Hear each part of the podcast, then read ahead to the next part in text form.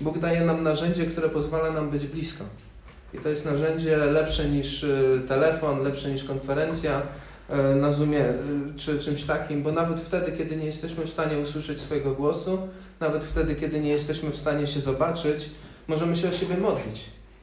I to jest niesamowite Boże błogosławieństwo, że mamy taką możliwość, żeby do naszego Stwórcy, Boga Wszechświata, nasze prośby zanosić, żeby powierzać Mu osoby i społeczności, które są nam bliskie. I, i w tym kontekście e, chciałbym, żebyśmy pomyśleli przez chwilę o apostole Pawle i kościele w Efezie. Paweł e, wiele wskazuje na to, że chciał pójść do Efezu już e, w czasie drugiej podróży misyjnej. Tam jest taki fragment w dziejach 16:6, że Paweł, który sugeruje, że Paweł chciał iść do Azji, do prowincji Azji, ale Duch Święty go przed tym powstrzymał i skierował go ostatecznie do Macedonii, do Grecji.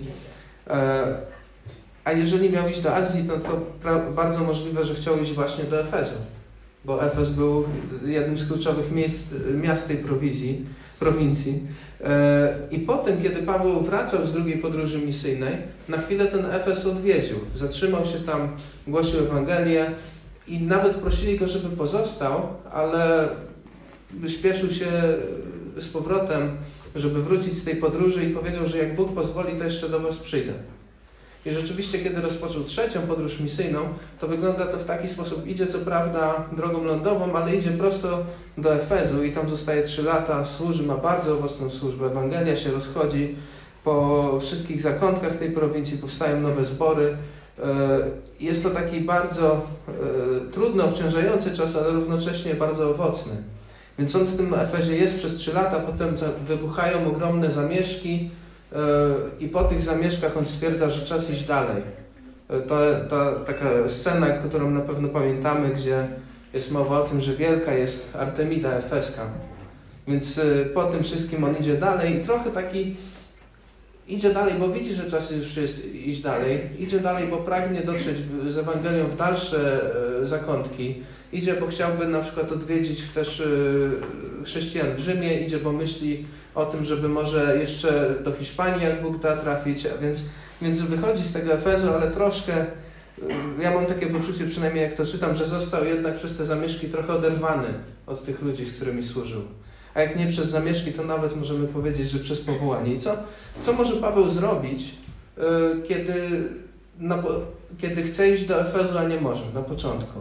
Może się o nich modlić co może zrobić, kiedy wraca z drugiej podróży misyjnej, głosi Ewangelię, widzi, że jest podatny grunt do, do tej Ewangelii, ale musi iść gdzie indziej, musi dokończyć podróż, wrócić e, na chwilę przynajmniej w swoje okolice do y, Antiochii Syryjskiej, skąd wyruszył, może, może przez Jerozolimę, więc co może zrobić? Może się modlić o nich. Potem y, służy trzy lata, przez trzy lata na pewno się o nich modli. Kiedy ich zostawia, na pewno dalej się o nich modli.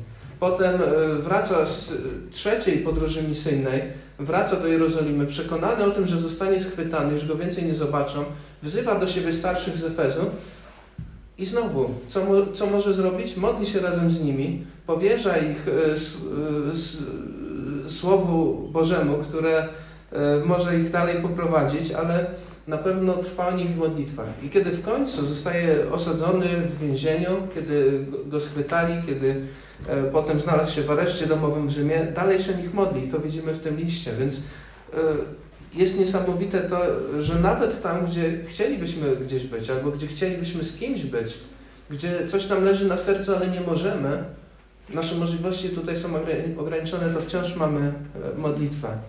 Więc i mamy ten przywilej, że mamy wgląd w modlitwę Pawła. Możemy zobaczyć, o co się modli i w ten sposób kształtować też nasze zrozumienie tego, czym jest modlitwa, po co jest modlitwa, ale też po prostu co jest naprawdę ważne.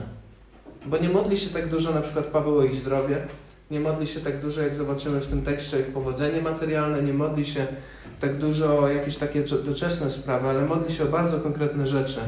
I, I te konkretne rzeczy możemy podsumować w taki sposób, że modli się, żeby zrozumieli, że w Chrystusie mają już wszystko, jeżeli mówimy o dzisiejszym fragmencie. I jak w zeszłym tygodniu e, Słysze, y, słyszeliście tutaj na kazaniu, ja też go odsłuchałem. W pierwszej części y, rozdziału y, tego pierwszego rozdziału listu do Efezjan, aż 10 razy pojawia się stwierdzenie, że Efezjanie coś mają w Chrystusie albo przez Niego. I to jest niesamowite, że rzeczywiście przez Jezusa otrzymaliśmy tak wiele i chciałbym że dzisiaj, żeby, żebyśmy przesiąkli tą myślą, że w Chrystusie mamy już wszystko i w ten sposób możemy się ugruntować, w ten sposób możemy się ostać pośród prób, cierpień, rozterek, słabości naszych, naszych zniechęceń, kiedy naprawdę zrozumiemy to, co modli się Paweł dla Efezjan, żeby zrozumieli, że mają już wszystko. Te prawdy, które tydzień temu e, były wyłożone e, jako właśnie prawdy, którym mamy wierzyć, Paweł modli się dzisiaj w tym fragmencie, żeby oni nimi przysiągli i żeby dostrzegli, jak wielkie bogactwo mają w Chrystusie. Więc pomodlę się i przeczytam fragment. Panie, chwalimy Cię za Twoją cudowną łaskę, którą nam okazałeś, za to bogactwo, które otrzymaliśmy w Chrystusie. Proszę, obdasz nas takim głębokim zrozumieniem tego, jak wiele nam dałeś, że mamy wszystko, czego potrzebujemy od Ciebie, że mamy o wiele więcej niż świat dookoła może nam zaoferować. Mamy o wiele więcej u Ciebie niż jesteśmy w stanie tutaj stracić w naszym e, doczesnym życiu. Panie, mamy naprawdę wszystko. Jesteśmy bardziej błogosławieni niż najbogatsi ludzie tego świata, najwyżej e, usadowieni w hierarchii, Panie, najbardziej popularni. Panie, my mamy o wiele więcej. Nawet jeżeli nasze życie wydawałoby się małe, nijakie, ponure dla niektórych, to to Ty dałeś nam tak wiele i chwalimy Cię za to. Panie, proszę, pomóż nam zrozumieć dzisiaj, że mamy w Chrystusie już wszystko i że tego musimy się trzymać. Niech Tobie będzie chwała. Amen. Amen. Więc przejdziemy do fragmentu Efezjan, pierwszy rozdział od 15 do 23. Dlatego i ja, gdy usłyszałem o Waszej wierze w Pana Jezusa i o miłości do wszystkich świętych, nie przestaję dziękować za Was i pamiętać o Was w swoich modlitwach. Niech Bóg naszego Pana Jezusa Chrystusa, Ojciec chwały, da Wam ducha mądrości i objawienia w poznawaniu Go. Pełne światła oczy serca, abyście wiedzieli, czym jest nadzieja, do jakiej Was wezwał, czym jest bogactwo chwały Jego dziedzictwa wśród świętych i jak wspaniały jest ogrom Jego mocy względem nas, wierzących według działania siły Jego potęgi. Tą właśnie mocą działał w Chrystusie, gdy wskrzesił Go z martwych, i posadził po swojej prawicy w niebiosach, ponad wszelką zwierzchnością, władzą, mocą i panowaniem, ponad wszelkim imieniem, wyznawanym nie tylko w obecnym świecie, ale i w przyszłym. Wszystko też poddał pod Jego stopy, a Jego ustanowił nade wszystko głową Kościoła, który jest Jego ciałem, pełnią tego, który wszystko doskonale wypełnia. Więc y, modlitwa Pawła, tak jak powiedziałem, możemy ją podsumować słowami, że mamy już wszystko w Chrystusie, i powiedziałem, że rzeczywiście mamy absolutnie wszystko, czego potrzebujemy, mamy absolutnie wszystko, o czym moglibyśmy marzyć, chociaż różne marzenia nam towarzyszą przez to życie. Jest to najlepsza obrona zarówno na pokusy, jak i na rozczarowania. Jak źle by nie było, mogę odpocząć z myślą, że przyznał się do mnie Król i Stwórca Wszechświata. W Chrystusie. Przez Ewangelię o tym się przekonuję. Jak wielka nie byłaby pokusa, mogę zachwycić się tym, że otrzymałem o wiele więcej niż to, co mnie kusi. Mogę oderwać wzrok od rzeczy materialnych i skierować go na Chrystusa w niebie. Skąd jednak mogę wiedzieć, że te obietnice odnoszą się do mnie? I tu widzimy pierwszą część tego tekstu, e, w której możemy zobaczyć, po czym Paweł rozpoznał, że to w ogóle są chrześcijanie, że te obietnice odnoszą się do nich. I rozpoznał ich od wskazania takich dwóch rzeczy, czy rozpoznał ich po dwóch rzeczach. I mówi, ja gdy usłyszałem o waszej wierze w Pana Jezusa i o miłości do wszystkich świętych. Dwie rzeczy przekonywały Pawła, że Efezjanie, ci do których pisał, ci o których się modlił, rzeczywiście stali się uczniami Chrystusa. Ich wiara i ich miłość do wszystkich świętych. Więc miłość wzajemna i miłość rozchodząca się dalej do tych chrześcijan, których nie znali.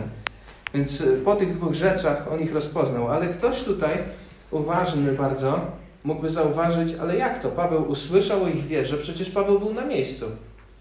I taki zarzut czasami ludzie podnoszą, że on usłyszał o ich wierze, no to może nie Paweł to napisał, a może coś tutaj mu się pomieszało, a może jakieś tutaj dziwne rzeczy się dzieją w tym tekście, ale dam na to taką szybką odpowiedź.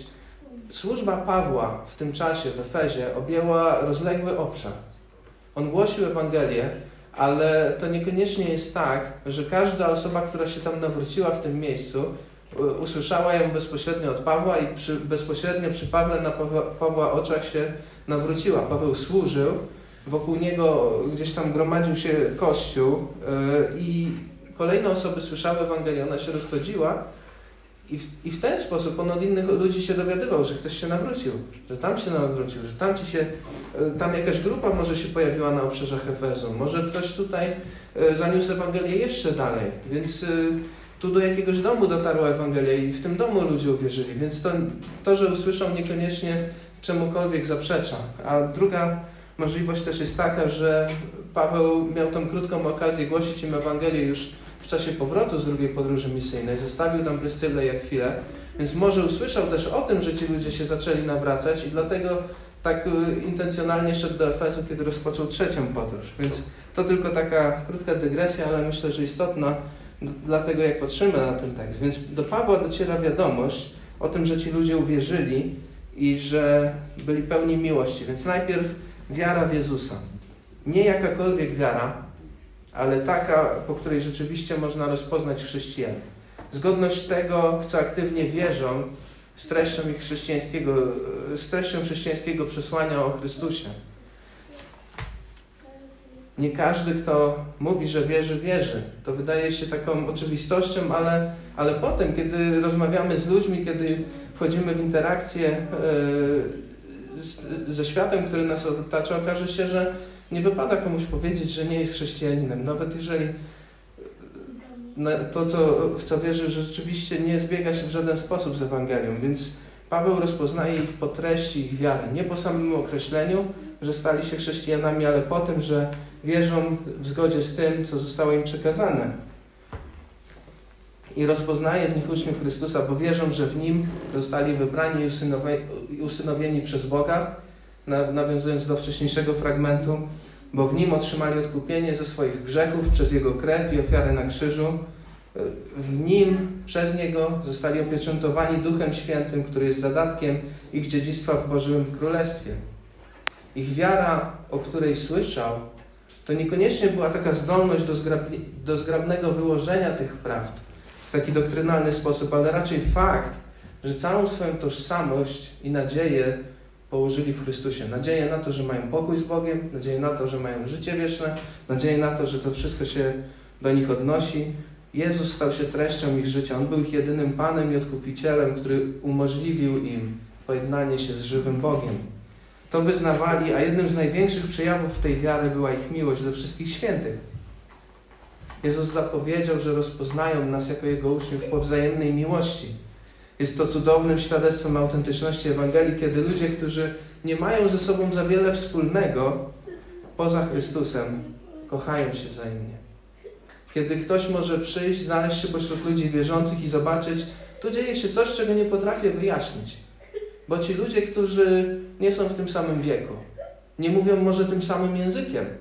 Może ci ludzie, którzy są z trochę różnych kultur, mają różne wykształcenie, są na różnym etapie życia. Jedni mają dzieci, inni nie mają dzieci. E, ktoś może ma dzieci, ale już takie, że chciałby, żeby wyszły z domu. I ci ludzie kochają się wzajemnie. Ci, ci ludzie wy, wykazują się jakąś serdecznością, która jest nienaturalna. Jest to świadectwem dział Bożego działania jest to cudownym dowodem autentyczności Ewangelii, z którym ludzie czasami nie wiedzą, co zrobić, ludzie niewierzący, bo jak, jak to zracjonalizować? I, I, dla wielu osób, które się y, nawróciły, pierwszy kontakt z Kościołem, w którym ta miłość była widoczna, jest częścią ich historii nawrócenia. Zobaczyli, nie mogli zrozumieć, byli zachwyceni, chcieli tego samego i zaczęli się interesować Chrystusem. Więc Efezjanie musieli kochać siebie nawzajem, żeby móc skutecznie kochać ludzi ze świata. Żeby ta miłość była widoczna i żeby oni też mogli zobaczyć to świadectwo i chcieli poznać Chrystusa. I potem, potem Paweł ich rozpoznawał. To było znakiem charakterystycznym chrześcijan. Wiara w Jezusa i wzajemna miłość są znakiem rozpoznawczym chrześcijan. Nie tylko nieskonkretyzowana, oderwana od wiary miłość, ale też nie tylko pozbawiona miłości wiara. Wiara bez miłości przybiera formę surowej i martwej ortodoksji. Ortodoksji, która, parafrazując znowu hymną miłości, nie jest cierpliwa, nie jest uprzejma, wynosi się Jest porywcza, niczego nie zakrywa, niczemu nie wierzy, z niczym nie wiąże nadziei, bardzo niewiele znosi. To jest wiara pozbawiona miłości. Wiara, która jest nastawiona tylko na intelektualne przekonanie, ale w której nie ma owocu ducha. Więc strzeżmy się chrześcijaństwa, które jest czyste doktrynalnie, ale nie rodzi owoców ducha. To jest tylko inna forma buntu. Chrześcijanie z Efezu byli inni. Od kiedy Paweł tylko to roz, e, rozpoznał, nie przestawał za nich dziękować i pamiętać o nich w swoich modlitwach. Więc teraz spójrzmy na tę modlitwę. O co on się modli? Modli się o trzy rzeczy tutaj, które są wymienione, ale przede wszystkim o to, żeby oni mogli je zrozumieć. Modli się o to, żeby Bóg, Ojciec, wyposażył ich w ducha mądrości i objawienia do poznania Go. Innymi słowy, żeby dzięki Bożemu działaniu mogli lepiej poznać samego Boga, Jego działanie, Jego dzieło w ich życiu. Żeby dostępując tego rodzaju oświecenia, zrozumieli trzy rzeczy, które możemy określić zbiorczo jako nasze bogactwo w Chrystusie. Żeby zrozumieli, jak wiele mają, jak wiele im przekazano, jacy bogaci są. Nawet jeżeli mogło to nie wyglądać dobrze z zewnątrz, dla ludzi, którzy gonili za innymi rzeczami. Musieli zrozumieć dzięki Bożemu działaniu, nie tylko dzięki takiemu znowu przyswojeniu przez intelekt tych prawd, ale dzięki temu, że Bóg ich w te prawdy wprowadzi, mieli zrozumieć, że mają wszystko, czego potrzebują i czego mogliby zapragnąć, a nawet o wiele więcej niż to. I to zrozumienie nie przychodzi do nas naturalnie. Nie możemy go posiąść o własnych siłach. Może to w nas sprawić jedynie Bóg, od którego pochodzi wszelka mądrość. Tylko On, przez działanie swojego świętego ducha w naszych sercach, może doprowadzić do tego, że prawda, którą usłyszymy albo prze, przeczytamy, będzie dla nas czymś więcej niż tylko informacją, niż tylko naszym poglądem. Nasze umysły same z siebie nie przyswajają tego wszystkiego, co, czego Bóg nas uczy. Nasze serca często naturalnie nie chcą się temu podporządkować, nie chcą w pełni zaufać. Jest tak, bawimy się cały czas y, to, że Bóg mówi jedno, ale my w swoim sercu dodajemy ale. Ale to jest za trudne, ale to jest niewykonalne, ale to do końca mnie nie przekonuje, ale to do końca mi się nie podoba, ale może pięknie byłoby tak żyć, ale, ale nie umiem, nie, nie rozumiem, nie wiem jak. Właśnie potrzebujemy, żeby Bóg nas w tą prawdę wdrażał. W wielu sy sytuacjach, już jako chrześcijanin, mogę coś wiedzieć intelektualnie, jest to częścią moich poglądów, na przykład, ale na przykład mój pogląd na to, że bez względu na okoliczności jestem nieskończenie bogaty w Chrystusie, może nie wystarczyć, żeby to przekonanie przemieniło mój sposób myślenia i postępowania. Jestem zdany na Boga. Bóg może to sprawić, u Niego muszę tego szukać. I to, co mówię, nie jest takim, takim, taką, nie chcę, żeby było taką zachętą do takiego antyintelektualnego chrześcijaństwa, że nieważne w co wierzymy, nieważne co mówi Biblia, bo tak naprawdę liczy się, co Bóg zrobi w naszym sercu. Ważne, co mówi Biblia, ważne w co wierzymy, ważne, żebyśmy się do tego zachęcali, ale ostatecznie Bóg musi w nas działać. Nie jesteśmy w stanie sami w sobie wyprodukować Bożego działania. Pragnę stać się dojrzałym chrześcijaninem i, sta, i chcąc stać się dojrzałym chrześcijaninem, muszę zrozumieć, że moja nadzieja na to, że będę dojrzałym chrześcijaninem jest w Bogu, a nie we mnie. Nie tylko w pracy, którą wykonam, chociaż chcę wykonać pewną pracę przy tym. I teraz, co oni mają zrozumieć? Jaka prawda ma ich przemienić, ma wypełnić ich serca? Ma być nowym takim pryzmatem, przez który patrzą na, na całą resztę.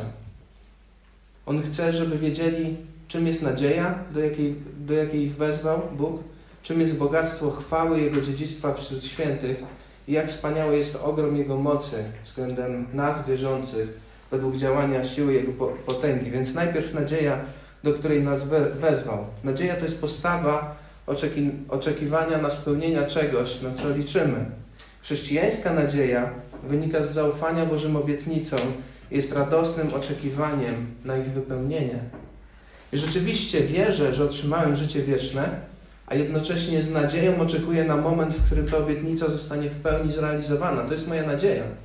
Patrzę w przyszłość i czekam na to, aż to się stanie. Czekam z nadzieją, czekam z radością i ta radość przezwycięża wiele smutków w moim życiu, wiele zmagań. Wierzę, że przeszedłem z Królestwa Ciemności do Królestwa Bożego. To już się stało, ale czekam z nadzieją na moment, w którym Bóg powie do mnie, sługo dobry i wierny, wejdź do radości swego Pana. Czekam na tą kulminację, na, na zrealizowanie się tych wszystkich obietnic. Chrześci chrześcijanie, których nadzieja jest słaba, żyją w strachu i w rozgoryczeniu. Chrześcijanie, którzy są pełni nadziei na wypełnienie się Bożych obietnic, są w stanie znieść wielkie przeciwności, nie tracąc swojej radości.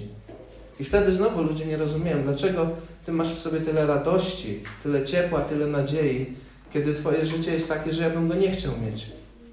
Kiedy nie chciałbym się z Tobą zamienić na miejsca, współczuję Ci w pewien sposób, a jednak Ty masz więcej radości ode mnie. Dlaczego? Właśnie dlatego, że nasze oczy są skierowane na to, co nadchodzi. Drugie, chwała Jego dziedzictwa wśród świętych. Nie tylko wierzę, że otrzymałem, nie tylko oczekuję z nadzieją na moment, w którym ta rzeczywistość się wypełni, ale lepiej rozumiem, jak ogromne i wspaniałe jest Boże dziedzictwo, na które oczekuję. Nie tylko liczę, że do niego wejdę, ale, ale zaczynam rozumieć, że jest ono czymś przekraczającym moje najśmiel, najśmielsze wyobrażenie, moje oczekiwania. Jest, że czekam na coś, co jest wyrazem Bożej hojności i kreatywności, naocznieniem Jego chwały. Mówimy o bogactwie chwały Bożego dziedzictwa wśród świętych. Tu jest takie sformułowanie o tym, że Boży lud jest dziedzictwem samego Boga który Bóg przygotował dla siebie. On coś przygotował, żeby w ten sposób zademonstrować swoją chwałę pośród stworzenia i w swojej wielkiej łasce Bóg zaprosił nas do uczestniczenia w tym dziedzictwie. Wyobraź sobie, wyobraź sobie, że wszechmocny Bóg, Stwórca wszystkiego, ten, który jest godzien wszelkiej czci i chwały, ten, który jest doskonały, święty, dobry, najbardziej kreatywny, od Niego pochodzi wszystko, co istnieje, on przygotował sobie coś na później, coś dla siebie. I ten wielki, cudowny Bóg dzieli się tym z Tobą. Czyni Cię częścią swojego dziedzictwa, wprowadza Cię do swojej radości.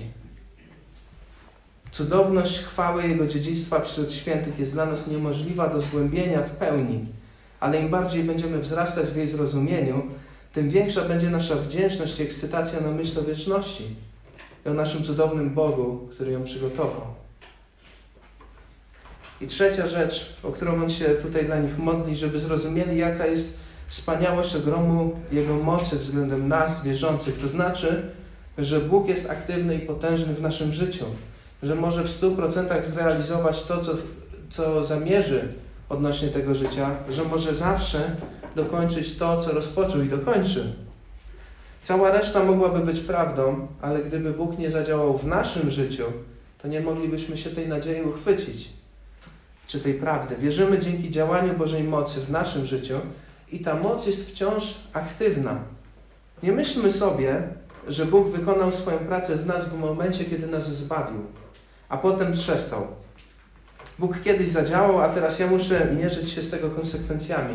Jakoś przejść do końca przez to życie, przeczołgać się, aż dojdę do mety i wtedy Bóg mnie znowu przewita. Mój drugi taki prawdziwy kontakt z Bogiem. Pierwszy, kiedy się nawróciłem, a drugi na końcu, jeżeli, jeżeli jakoś tam się dokulam do końca. To nie jest tak. Bóg cały czas działa w życiu chrześcijanina. Bóg cały czas go prowadzi, cały czas go kształtuje, cały czas go oczyszcza, cały czas sprawia, że on wzrasta. Ja jako chrześcijanin potrzebuję Jego działania jak powietrza. Nie jestem w stanie sam z siebie wyprodukować owocu trwania w Chrystusie. Nie jestem w stanie sam z siebie stać się dojrzałym chrześcijaninem. Nie jestem w, sta w stanie sam z siebie zwyciężać grzech w moim życiu. Nie jestem w stanie samego siebie doprowadzić do wieczności. To wszystko jest w Bożym ręku i dopóki tego nie zrozumiemy, będziemy jak dzieci we mgle, które które właśnie są zagubione i nie wiedzą, co zrobić, jak, jak sobie z tym poradzić. Nie da się przejść przez życie, przez chrześcijańskie życie, które Bóg zaplanował w taki sposób, żeby było całkowicie zależne od Niego, nie rozpoznając ogromu Jego mocy wobec nas. Nie da się dobrze przejść przez to życie. Zbyt często nie czujemy się warci Bożego działania. Zbyt często zachowujemy się, jakby Bóg nas zbawił, a potem zostawił samym sobie. Nie wątpimy tak bardzo w to, że Bóg jest wszechmocny, jak w to, że chce działać i działa w naszym życiu. Bo nie dał wyraźnej odpowiedzi na moją modlitwę, bo, pod, bo pozwolił, żebym poniósł jakąś stratę, której bardzo nie chciałem, bo nie podobają mi się okoliczności mojego życia, bo nie rozumiem, dlaczego ich nie zmieni, bo nie rozumiem, dlaczego mnie nie zmienia, tak jak ja bym chciał, żeby mnie zmienił, żeby pewne problemy moje osobiste, mojego charakteru przestały być tymi problemami, żeby pewne grzechy przestały być zmaganiem, żebym zawsze miał w sobie zapał i radość. Nie widzę tego, nie żyję w takim duchowym uniesieniu przez cały czas. I zaczynam kwestionować, czy Bóg w ogóle działa w moim życiu. Tak, działa gdzieś tam na świecie, może działa u prześladowanych chrześcijan, może działa gdzieś za płotem, może działał jak mnie zbawił, ale co teraz, dzisiaj, na co dzień? Muszę zrozumieć, że dzisiaj na co dzień też Bóg jest i też jest aktywny w moim życiu. Ta sama moc, która mnie zbawiła, ona jest wielka wobec mnie dzisiaj. Nie zawsze przejawia się tak, jak ja bym to zaplanował, ale to nie znaczy, że jej nie ma. Więc uważajmy, żeby nie dopładała nas taka refleksja, że chociaż wierzymy w prawdziwość tego, co mówi Biblia, to Bóg trochę się przed nami ukrył i to tyle. Że nam zostawił kiepskie chrześcijańskie życie, w którym nie ma wielkiego znaczenia, co się dzieje w naszych sercach.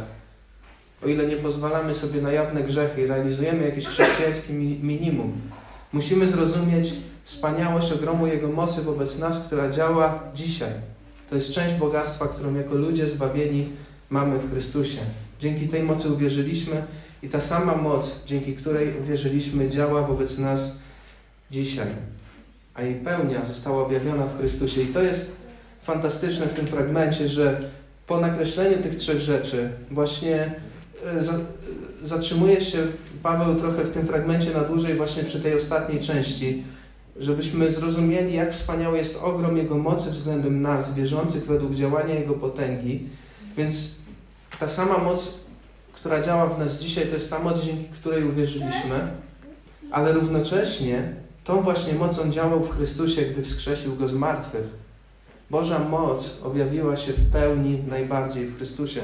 Zademonstrował Bóg swoją potęgę, wzbudzając Jezusa z martwych. Jego zmartwychwstanie jest najlepszym dowodem na to, że my też zmartwychwstaniemy. Jest dowodem tego, że Bóg ma moc realizować w naszym życiu wszystko, co zechce i że zawsze dotrzymuje słowa. Wszystko, co Bóg zapowiedział, ma moc uczynić i uczyni. A zagłębiamy się przecież w Jego cudowne obietnice w tym rozdziale. Jeśli wątpisz w Boże działanie w Twoim życiu, to zaufaj, tak jak podpowiada ten fragment, w Boże działanie w zmartwychwstaniu Jezusa. Ta sama moc, która przywróciła Jezusa do życia, Ciebie doprowadziła do wiary, dzisiaj jest obecna w Twoim życiu. Jeżeli rzeczywiście uwierzyłeś, jeżeli rzeczywiście jesteś wyznawcą Chrystusa, jeżeli rzeczywiście towarzyszy Ci ta miłość, która jest znakiem rozpoznawczym chrześcijan, ta sama moc, która przywróciła Jezusa do życia, ta sama moc jest aktywna w Twoim życiu. Te, tę moc też Bóg zademonstrował, gdy wywyższył, wywyższył Jezusa ponad wszystko, co istnieje. Ponad wszelką władzę, ponad wszelką zwierzchność, ponad wszelkie imię w historii świata. Jezus jest ponad wszystkim. Jaka to jest cudowna zachęta dla Efezjan, którzy to czytają. Efezjan żyjących w cieniu świątyni Artemidy Efeskiej, jednego z siedmiu cudów starożytnego świata. Jezus jest ponad tym. Efezjanie, którzy żyją e, w cesarstwie rzymskim, którzy żyją otoczeni wrogą im kulturą, którzy żyją pośród bałwochwalstwa, czarów, nie wiadomo czego jeszcze, co tam się działo, powszechnej niemoralności. Jezus jest ponad tym wszystkim. Boska moc wywyższyła Jezusa ponad to wszystko. Żadna magia, żadne budowle nam nie zaimponują, ponieważ Chrystus nam imponuje. On to wszystko przewyższa. Bóg zademonstrował swoją moc i swoją chwałę, stawiając Go ponad tym. Jezus jest ponad wszystkim, wszystko jest Mu poddane i Bóg ustanowił Go też głową Kościoła, a Kościół Jego ciałem, jak czytamy w tym fragmencie. I Kościół jest tutaj nazywany pełnią Chrystusa, Chrystusa, który wszystko wypełnia. Jak wiemy z innych wersetów, Bóg stworzył świat przez Syna i Syn podtrzymuje ten świat w istnieniu. A my jako Kościół otrzymaliśmy przywilej, żeby być w tym świecie pełnią Chrystusa, żeby On w nas najbardziej zademonstrował swoją obecność żeby nas traktował jak swoje ciało, jak swoją własność, jak swój lud, którego jest pasterzem. I żeby był z nami, i żebyśmy my na zawsze byli z Nim.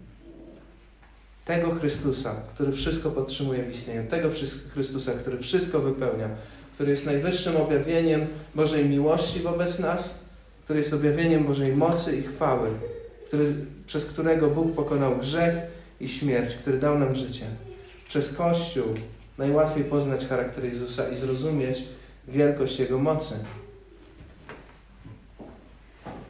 Jeżeli to rozumiesz, jeżeli rozumiesz tę prawdę, jeżeli jesteś częścią Bożego ludu, to nie masz powodu, nie masz absolutnie żadnego powodu, żeby stwierdzić, że Bóg nie chce działać w Twoim życiu. Że jest niechętny do działania, że jest niechętny do tego, żeby Ciebie uświecać i przemieniać i prowadzić do większej chrześcijańskiej dojrzałości, do większej użyteczności, do zwycięstwa nad grzechem. To absolutnie nie jest prawda. Bo gwarantuje nam to na wiele sposobów. W Chrystusie to otrzymaliśmy. To jest faktem, którego musimy się chwycić to raczej Twoja perspektywa na Boże działanie może wymagać poprawy. Tymczasem Bóg kontynuuje swoje dzieło w Tobie, obdarzając Cię coraz lepszym zrozumieniem duchowych prawd, pomagając je stosować, pomagając odrzucać grzech, wzbudzając to w Tobie pragnienie duchowej dojrzałości i prowadząc do tej duchowej dojrzałości, upodobniając się do Jezusa przez działanie Ducha Świętego, który mieszka w Tobie, przeprowadzając Cię przez próby, również przez te, które nie idą po Twojej myśli pomagając Ci być aktywną częścią Kościoła, stając się użytecznym w służbie, pracując w Twoim sercu i pobudzając Twoje sumienie do dzielenia się Ewangelią, to jest wszystko Boże działanie. I wreszcie, prowadząc Cię do wieczności, kontynuując to dzieło, które rozpoczął. Ta sama moc, która wzbudziła Chrystusa z martwych, ta sama moc, która wywyższyła Go ponad wszystko, ta sama moc, która doprowadziła Ciebie do wiary, jest wielka i potężna i aktywna w Twoim życiu dzisiaj, jeżeli rzeczywiście uwierzyłeś, jeżeli rzeczywiście Chrystus stał się Twoim Panem, jeżeli rzeczywiście przyjmujesz przez wiarę to, że zapłacił za Twoje grzechy na krzyżu w pełni, do końca, że jest Twoją jedyną nadzieją, jedynym ratunkiem, jedynym odkupicielem, że wziął na siebie cały Twój dług, spłacił go, przybił do krzyża. Bóg jest godny wiary. Zaufaj w Jego konstruktywne działanie w Twoim życiu. Musimy to zrozumieć. Musimy zrozumieć, że w Chrystusie mamy już wszystko. On jest Panem Panów, Królem Królów, wywyższonym ponad wszelkie imię. W Nim jesteśmy nieskończenie bogaci, ponieważ dzięki Niemu, przez Jego dzieło zostaliśmy wezwani do uczestnictwa w nadziei, staliśmy się częścią Bożego, cudownego dziedzictwa i wiemy, że Boża moc jest nadal aktywna i potężna wobec nas. Jeżeli przesiągniemy, te, jeżeli przesiąkniemy ty, tymi prawdami, Będą one nas chronić i prowadzić. Jeżeli o nich zapomnimy, będziemy się zachowywać, jakbyśmy byli zdani wyłącznie na siebie.